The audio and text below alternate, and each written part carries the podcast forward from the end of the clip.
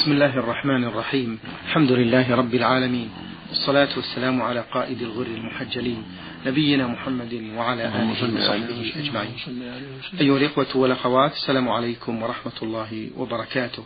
ومرحبا بحضراتكم إلى لقاء طيب مبارك من برنامج نور على الدرب. ضيف اللقاء هو سماحة الشيخ عبد العزيز بن عبد الله بن باز المفتي العام للمملكة العربية السعودية ورئيس هيئة كبار العلماء. مع مطلع هذا اللقاء نرحب بسماحة الشيخ عبد العزيز. فأهلا ومرحبا يا سماحة الشيخ.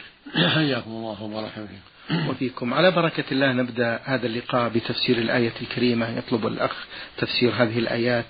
أعوذ بالله من الشيطان الرجيم. شهد الله أنه لا إله إلا هو. والملائكة وأولو العلم قائما بالقسط. بسم الله الرحمن الرحيم. الحمد لله وصلى الله وسلم على رسول الله وعلى آله وأصحابه ومن اهتدى بهداه. أما بعد هذه الآية الكريمة من أعظم الآيات الواردة في إثبات توحيد الله عز وجل والشهادة بأنه سبحانه هو المعبود بالحق. يبين فيها جل وعلا أنه شهيد بنفسه وهو أعظم شاهد سبحانه وتعالى. أنه لا إله إلا هو. كما قال جل وعلا فاعلم أنه لا إله إلا الله قال سبحانه وإلههم إله واحد لا إله إلا هو الرحمن الرحيم. وقال سبحانه ذلك بأن الله هو الحق وأن ما يدعون من دونه هو الباطل. فشهد في هذه الآية آية آل عمران أنه سبحانه لا إله إلا هو. المعنى لا إله حق سواه. الآلهة كثيرة يعبدها المشركون من أصنام وجن وملائكة وأشجار وغير ذلك. لكن كلها لكن كلها باطلة. كلها آلهة باطلة. ولله الحق هو الله وحده سبحانه وتعالى. ولهذا قال جل وعلا شهد الله أنه لا إله إلا هو. وشهد بذلك أيضا الملائكة الكرام وهم من أعدل الشهود. وشهد بذلك أيضا أولو العلم الذين عرفوا الحق ودانوا به. وهم أولو العلم بالقرآن والسنة يشهدون أيضا لله بالوحدانية. وهذا وهذه الآية فيها منقبة عظيمة للملائكة ولأولي العلم وأن الله استشهدهم على وحدانيته لأنهم يعلمون ذلك وهم عدول. فالملائكة من خير عباد الله لا يسبقون لا, لا كما قال الله جل وعلا هم من خشيته مشفقون لا يسبقونه بأمره, وهم بأمره يعملون. يعلم ما بين أيديهم وخلفهم ولا يشفعون إلا لمن ارتضى وهم من خشيته مشفقون. يشهدون لربهم بأنه الإله الحق سبحانه وتعالى منهم جبرائيل وميكائيل وإسرافيل وغيرهم. وهكذا أولو العلم من سابق الزمان وآجل الزمان من عهد آدم عليه الصلاة والسلام ومن بعده من الرسل والعلماء إلى يومنا هذا وإلى أن يقبض الله أرواح المؤمنين في آخر الزمان. كل العلماء الذين عرفوا الحق ودرسوا كتاب الله وسنة رسول الله صلى الله عليه وسلم كلهم يشهدون بأنه سبحانه هو الإله الحق. وهم خلفاء الرسل. فالرسل هم أئمة العلماء والأنبياء هم أئمة العلماء وأتباعهم من أهل العلم يشهدون بهذا. يعني علماء السنة علماء الحق الذين تفقهوا في دين الله وعرفوا ما دل عليه كتاب الله وسنة رسوله صلى الله عليه وسلم يشهدون أن الله سبحانه هو الإله الحق وأنه المستحق العبادة وأنه لا إله إلا هو ولا رب سواه جل وعلا. نعم. أحسن الله إليكم. سماحة الشيخ ما, ما هي أشهر كتب التفسير التي تنصحون المسلم بالرجوع إليها والتزود منها؟ أشهر كتب التفسير وأحسنها تفسير ابن جرير رحمه الله تفسير عظيم مفيد تفسير ابن أبي حاتم تفسير الحافظ بن كثير رحمه الله. هذه كتب أشهر التفاسير. وكذلك البغوي رحمه الله تفسير عظيم تفسيره تفسير عظيم. فنوصي بها كثيرا فإنها من الكتب العظيمة المعتنية بالكتاب والسنة. وهناك كتب أخرى مفيدة من تفسير من تفسير الشوكاني وتفسير الشيخ صديق وتفاسير أخرى. لكن هذه الكتب الأولى هي الإمام في هذا في هذا المقام. تفسير ابن جرير رحمه الله تفسير ابن أبي حاتم والبغوي وابن كثير هذه الكتب لها الأهمية والتقدمة. نعم. أحسن الله إليكم. وكل يخطئ ويصيب. ما أحد معصوم ما أحد معصوم. قد يقع في بعضها شيء من الخطأ والغلط ولكن المعول على الأدلة الشرعية. ليس ابن جرير ولا ابن كثير ولا البغوي ولا ابن أبي هاتم ولا غيرهم. ليس واحد معصوما من الخطأ. لكن على طالب العلم وعلى من يراجع كتب التفسير يعتني بالأدلة الشرعية. وإذا أشكل عليه شيء يعرض ذلك على القرآن العظيم والسنة المطهرة الصحيحة أو يسأل أهل العلم كان ما عنده علم يسأل أهل العلم من أهل السنة والجماعة من علماء السنة يسألهم عما أشكل عليه. نعم.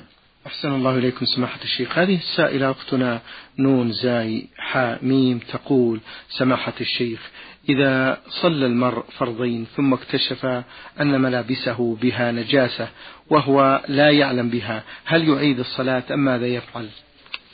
الصواب أنه لا يعيد. ما دام لم يعلم إلا بعد بعد الفراغ من الصلاة سواء كان ناسيا أو جاهلا فصلاته صحيحة. ومن أدلة ذلك أنه صلى الله عليه وسلم صلى في عليه وفيها قدر. فأخبره جبرائيل أن بها قدر أن بهما قدرا فخلعهما ولم يعد أول الصلاة. ومن أدلة ومن أدلة ذلك قوله جل وعلا ربنا لا تؤاخذنا إن نسينا واخطأنا. قال الله قد فعلت. يقول النبي صلى الله عليه وسلم الله قال قد فعلت. ومن كتب التفسير المهمة كما تقدم تفسير أيضا الشنقيطي رحمه الله. الشيخ أحمد بن الشنقيطي أيضا هو من التفاسير المهمة وقد اعتنى به رحمه الله. نعم. أحسن الله إليكم سماحة الشيخ. أختنا السائلة تسأل وتقول آه، سماحة الشيخ من قال سبحان ربي الأعلى في الركوع وقال سبحان ربي العظيم في السجود سهوا منه هل يسجد للسهو؟ نعم يسجد للسهو.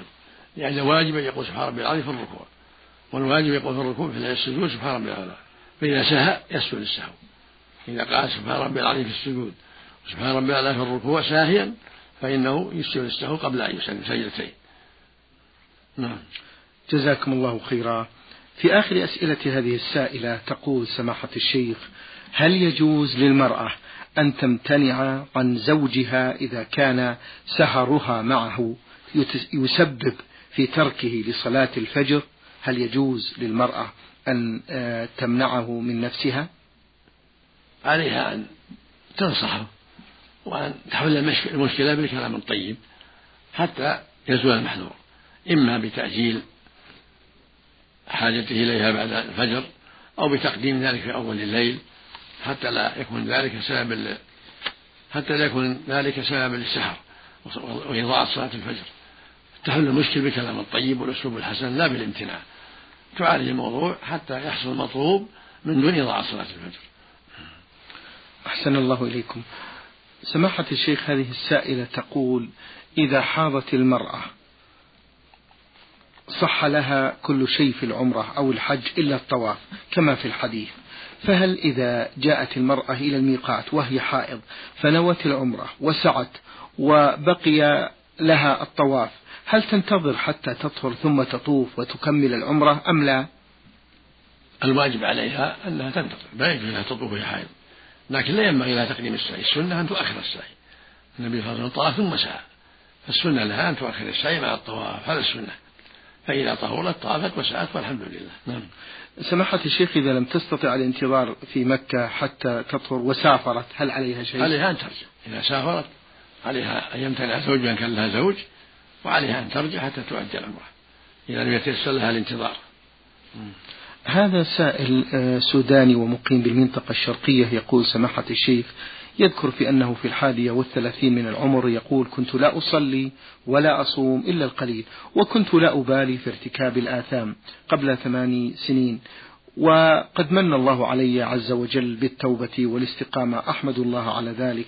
فأرجو من سماحتكم أن توضحوا لي ماذا أعمل بالصوم الذي لم أصم ولا أدري عدد الشهور والأيام وهل يلزمني إعادة الصلوات وهل علي الحج؟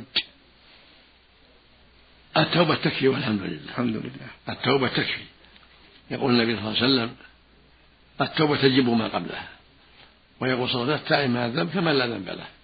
وهذا هو معنى قوله سبحانه قل يا عبادي الذين أسرفوا على أنفسهم لا تقنطوا من رحمة الله. إن الله يغفر الذنوب جميعا. إنه هو غفور رحيم. أجمع العلماء على أن هذه الآية الكريمة في التائبين وأن من تاب إلى الله من شركه وكفره تاب الله عليه وهكذا من جميع المعاصي. فليس عليك يا أخي قضاء للصلاة الفائتة التي تركتها ولا للصوم. الحمد لله. قد عفى الله عن ذلك بتوبتك. وعليك بالجد والاجتهاد طاعة ربك والإكثار من عمل الصالح. والله يقول سبحانه وإني لغفار لمن تاب وآمن وعمل صالحا ثم اهتدى. نعم. أحسن الله إليكم. هذا الأخ السائل من السودان يقول يذكر بأنه يعمل في البرية راعي للأغنام والبرد في الشتاء وخاصة في الصحراء قارس. يقول هل يجوز لي أن أصلي النافلة وأقرأ من المصحف بالتيمم رغم وجود الماء معي؟ يلزمك أن أن توضأ بالماء. وإذا دعت الحاجة إلى تسخين استخدمه بالنار. فإذا لم يوجد نار. والماء شديد يضرك استعماله ولا تستطيع تيمم صاب بالتيمم والفرض والنفل. واقرا من المصحف أما إذا كنت تستطيع تسخينه أو تستطيع استعماله لأن برودته لا تضرك فلا بد من استعمال الماء. إما بالتسخين وإما بنفسه إذا كانت برودته لا تضرك. نعم. جزاكم الله خيرا. في ثالث أسئلة هذا السائل يقول بحكم طلب العيش فقد تشتتت الأسر وأصبح من الصعب أن نصل أرحامنا هل في ذلك إثم علينا يا فضيلة الشيخ رغم تباعد المسافات؟ عليك أن تتقي الله ما استطعت. لأن الله يقول سبحانه فاتقوا الله ما استطعتم. لا يكلف الله نفسا إلا وسعها صل رحمك بما تستطيع. إذا كانوا فقراء وأنت قادر تواسيهم من مالك ولو بالمراسلة. وترسل لهم ما يتيسر من المال. وإذا كانوا أغنياء ولو بالمكاتبة أو بالهاتف كيف حالكم؟ كيف أنتم؟ من باب السلام واطمئنان عن صحتهم. ويكفي هذا والحمد لله. نعم. أحسن الله إليكم. هذا السائل يقول سماحة الشيخ من السودان هل يجوز لي أن أمنع الهبة كالنخيل التي وهبها جدي تقربا للسيد أو الولي. يقول هل يجوز لي أن أمنع الهبة كالنخيل مثلا وقد وهبها جدي تقربا للسيد أو الولي الصالح؟ إذا كان جدك أو أبوك وقف نخلات أو بيت على ضريح فلان يبنى من يبنى من عليه أو ينفق منه على تطيب المحل أو البناء عليه أو تجصيصه أو ما أشبه ذلك فالوقف باطل. هذا الوقف باطل.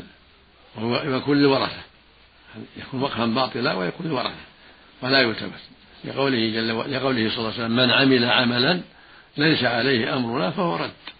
ويقول صلى الله عليه وسلم من أحدث في أمرنا هذا ما ليس منه فهو رد. فلا بد أن تكون الأوقاف على الوجه الشرعي فالوقف الذي لا يوافق الشرع يكون باطلا. أحسن الله إليكم. يطلب من سماحتكم جزاكم الله خيرا. يقول أن ترشدوني إلى بعض الكتب التي تنهى عن البدع والحلف بالأولياء وهل هناك بدع حسنة؟ نعم نرشد كذا كتاب فتح المجيد وكتاب التوحيد كتاب التوحيد للشيخ بن الوهاب وفتح المجيد لحفيده الشيخ عبد الرحمن بن حسن والبدع والنهي عنها للشيخ هو الله رحمه الله والإعتصام للشاطبي رحمه الله. كل هذه فيها تحريم من البدع. ويكفي قول النبي صلى الله عليه وسلم خير خير كلام كلام الله وخير الهدي هدي محمد صلى الله عليه وسلم وشر الأمور محدثاتها وكل بدعة ضلالة. كل بدعة ضلالة. ما أحدث الناس في الدين من عبادة لم يشرعها الله اجتنبها واحذرها ولكن تستعين بالكتب التي ذكرنا أو غيرها من الكتب المعروفة في بيان السنة وبيان البدعة. وإذا أشكل عليك شيء تسأل أهل العلم من أهل السنة والجماعة الذين تعرفهم أنهم من أهل السنة وأنهم ممن يعتني بالكتاب والسنة ويدعو إلى سيرة السلف الصالح من الصحابة ومن بعدهم. تسأل عما أشكل عليه أحسن الله إليكم سماحة الشيخ. هذا السائل أخوكم في الله محمد محمود مقيم بجدة يقول سماحة الشيخ عندما كنت في صلاة الجمعة قال الإمام يجب على المأموم إذا قرأ الإمام إذا قرأ الإمام أن ينصت لقراءته وحتى وإن لم يقرأ الفاتحة. وبالفعل صليت عدة صلوات ليست بالكثيرة وذلك بدون قراءة الفاتحة. وبالذات عندما لا يعطي الإمام فرصة ويقرأ مباشرة بعد الفاتحة فأنصت له. فسألت في الأمر فعرفت بأنه يجب علي أن أقرأ الفاتحة فهل علي شيء في الصلوات الفائتة التي لم أقرأ فيها الفاتحة؟ اختلف العلماء في هذا. جمهور أهل العلم يرون أن الفاتحة لا تجب على مأموم وأن الإمام يتولى ذلك يقوم بذلك عنه ويكفي. والقول الثاني أنه لا بد من قراءة الفاتحة وهو الصواب. الصواب أنه لا بد أن يقرأ المأموم الفاتحة. لقول النبي صلى الله عليه وسلم لا صلاة لمن لم يقرأ بفاتحة الكتاب. وقوله صلى الله عليه وسلم لعلكم تقرؤون خلف إمامكم. قلنا نعم. قال لا تفعلوا إلا بفاتحة الكتاب فإنه لا صلاة لمن لم يقرأ بها. فالواجب على المأموم أن يقرأها. ولو ما سكت الإمام يقرأها ثم ينصت هذا هو الواجب. لكن من تركها جاهلا لأنه أفتاه بعض أهل العلم بأنه يتركها أو تركها ناسيا فصلاته صحيحة وليس عليه قضاء ليس عليك قضاء لأنك تركتها من أجل ما سمعت من بعض أهل العلم. وهكذا لو تركها المأموم ناسيا لا عليه ليس عليه قضاء.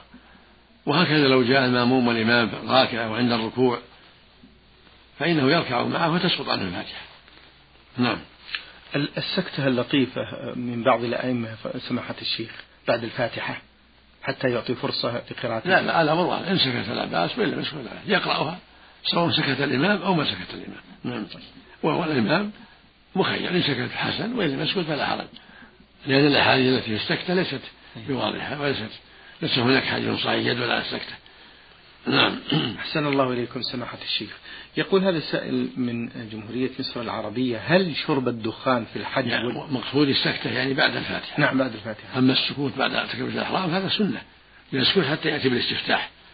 كان يأتي بالاستفتاح بعد التكبيرة التكبيرة الأولى تكبيرة الإحرام. ثم بعد هذا يتعوذ بالله من الشيطان الرجيم ويسمي بينه وبين نفسه ثم يقرأ الفاتحة في الجهرية جهرا وسرا في السرية. والمأموم كذلك. يستفتح أيضا بعد تكبيرة الإحرام قبل أن يشرع إمامه القراءة.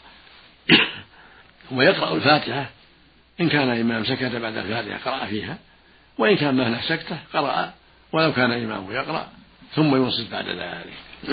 أحسن الله إليكم. سماحة الشيخ من جمهورية مصر العربية السائل يقول هل شرب الدخان في الحج والإنسان محرم؟ يفسد في ذلك الحج ولا تقبل؟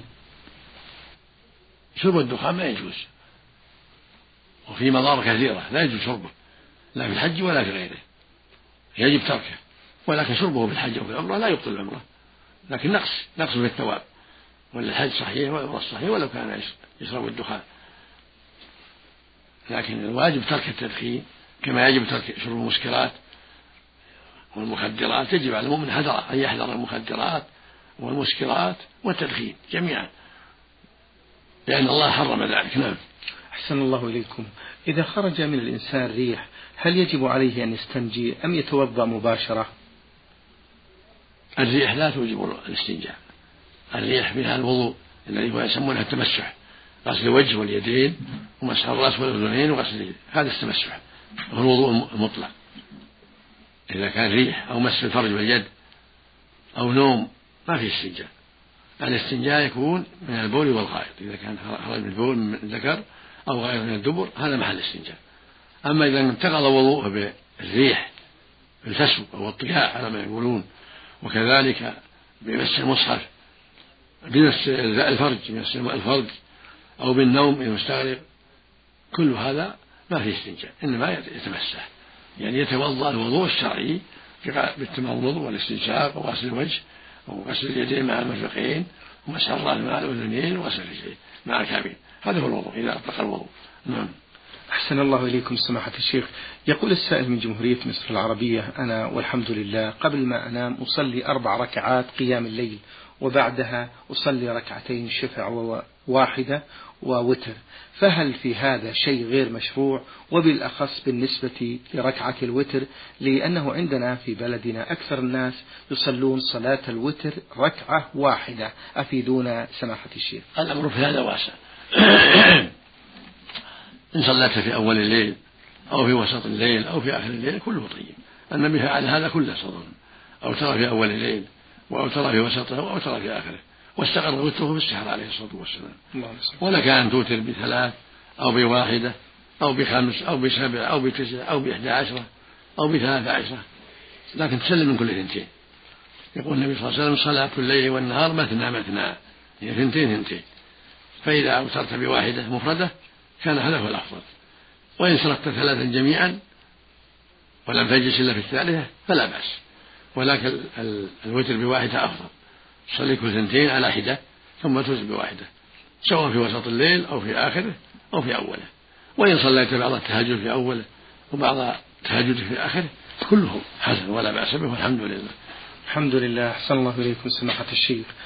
السائل يقول بأنه سمع بأن أغلب عذاب أمة محمد صلى الله عليه وسلم في قبرها فهل هذا الكلام صحيح سماحة الشيخ؟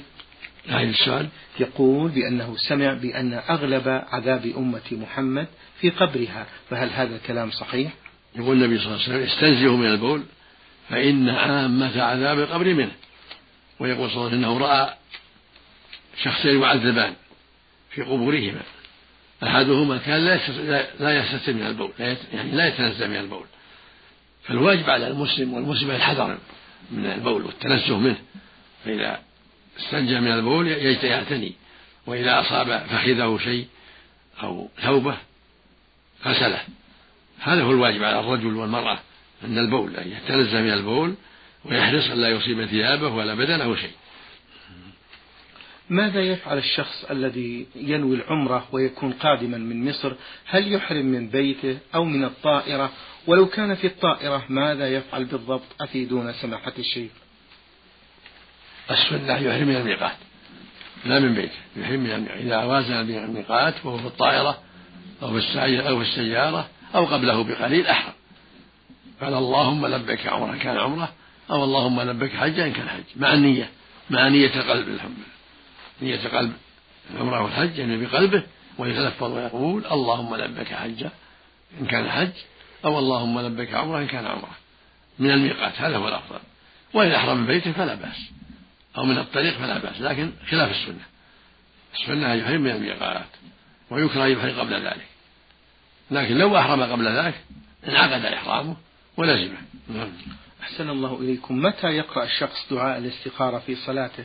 هل عندما ينتهي من التشهد قبل التسليم أو أن ذلك من الممكن أن يكون بعد التسليم؟ دعاء الاستخارة يكون بعد التسليم. يشرع له يصلي ركعتين وبعد السليم بعد التسليم يرفع يديه ويدعو ويستخير. نعم.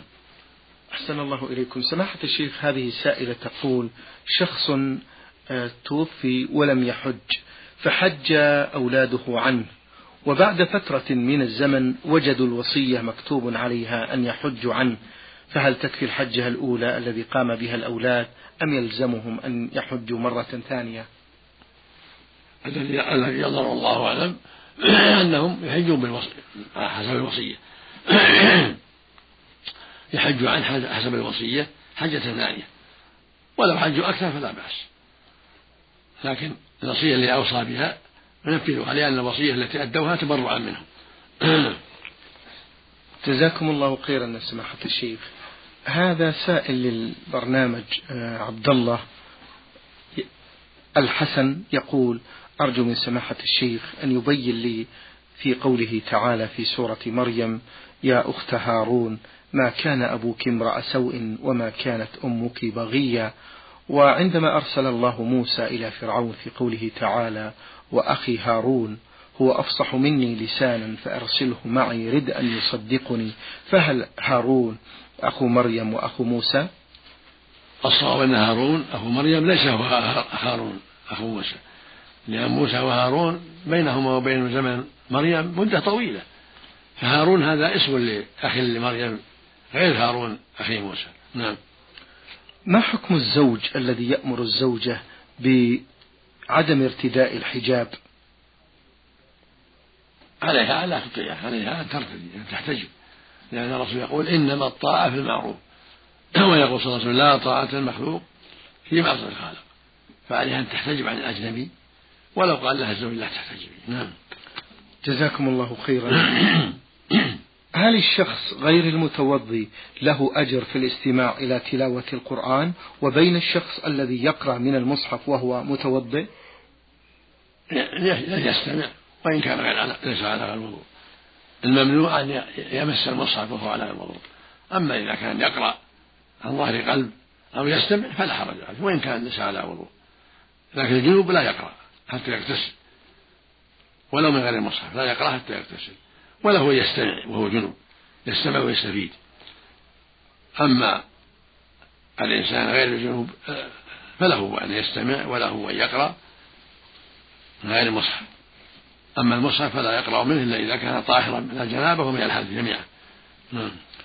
جزاكم الله خيرا سماحة الشيخ.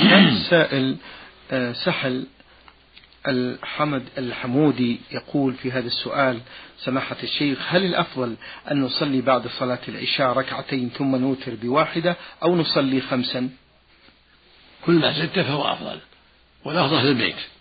صليها كلها في البيت تصلي الراتبة اثنتين وتصلي ما تيسر واحدة وتر أو ثلاث أو خمس أو أكثر بعد صلاة بعد راتبة العشاء. وإن أخرتنا إلى آخر الليل كان أفضل إذا تيسر ذلك. جزاكم الله خيرا. يقول هذا السائل الذي رمز لاسمه بميم حاء سماحة الشيخ بعض الناس يقولون بأنه لا يجوز أن نجمع صلاة العصر مع أي صلاة وبعضهم يقول الأفضل ألا نجمعها مع الصلوات الأخرى فما رأي سماحتكم في ذلك؟ العصر تجمع مع الظهر في حق المريض والمسافر. العصر تجمع مع الظهر جمع تقديم وجمع تأخير. في حق المريض وحق المسافر. لكن لا تجمع العصر مع الجمعة. يوم الجمعة إذا صلى مع الناس الجمعة لا يصلي معها العصر. خلي العصر وقتها. إذا صلى الجمعة مع الناس مر البلد وصلى معهم الجمعة وهو مسافر يصلي العصر في وقتها. وأما في غير الجمعة يجمع العصر مع الظهر. لا بأس. إذا كان مريضا يشق عليه عدم الجمع أو مسافر لا بأس. نعم. أحسن الله إليكم وبارك فيكم سماحة الشيخ. هذا سائل للبرنامج يقول إذا أقيمت صلاة الفريضة وأنا أصلي التطوع هل أقطع التطوع بسلام أو من غير سلام؟ ما يحتاج سلام تقطع بس. لقول النبي صلى الله عليه وسلم إذا أقيمت الصلاة فلا صلاة إلا المكتوبة. رواه مسلم في الصحيح. إذا أقيمت الصلاة فلا صلاة إلا المكتوبة. هكذا قال صلى الله عليه وسلم. فإذا أقيمت بطلت الصلاة التي أنت فيها. وعليك أن تدخل مع الإمام. إلا أن كنت في آخرها في السجود أو التحيات كملها لأنها انتهت. أما إذا كان بقي على ركعة اقطعها بالنية ويكفي. شكر الله لكم سماحة الشيخ وبارك الله فيكم وفي علمكم ونفع بكم الإسلام والمسلمين. أيها الإخوة والأخوات أجاب عن أسئلتكم سماحة الشيخ عبد العزيز بن عبد الله بن باز المفتي العام للمملكة العربية السعودية ورئيس هيئة كبار العلماء. شكر الله لسماحة الشيخ على ما بين لنا في هذا اللقاء الطيب المبارك وشكرا لكم أنتم. في الختام تقبلوا تحيات زميلي مهندس الصوت فهد العثمان والسلام عليكم ورحمة الله وبركاته.